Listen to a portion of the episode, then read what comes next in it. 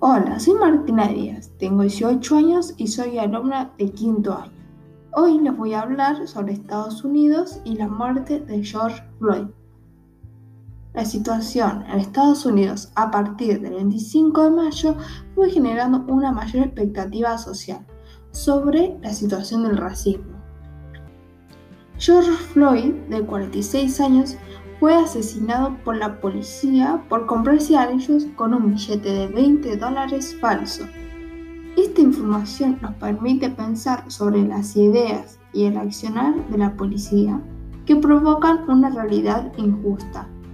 Para conocer sobre los hechos ocurridos a Floyd podemos apelar al descubrimiento del conocimiento sensible, consultando medios y testigos que vieron el hecho.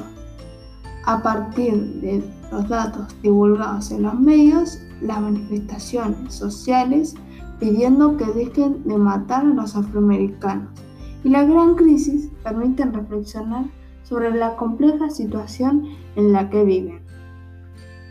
Estados Unidos cuenta con varios años de lucha con el racismo.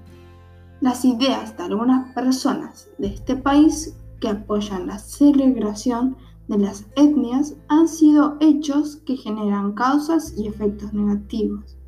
El racismo violenta y ataca a los grupos afroamericanos. Este hecho se ha repetido a lo largo de Estados Unidos, dejando en la experiencia y el conocimiento social situaciones repudiables como la de Floyd.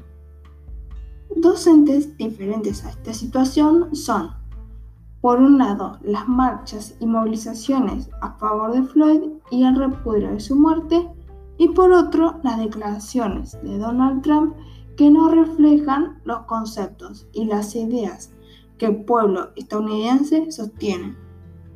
Estas dos posturas permiten analizar la situación social, cómo ordenarlo y darle un sentido nuevo a este país sobre el racismo. Todo este trabajo me ayudó a tomar más conciencia del problema del racismo en Estados Unidos y en el mundo, mediante una introspección sobre mis ideas en relación a esto. Muchas gracias por escuchar.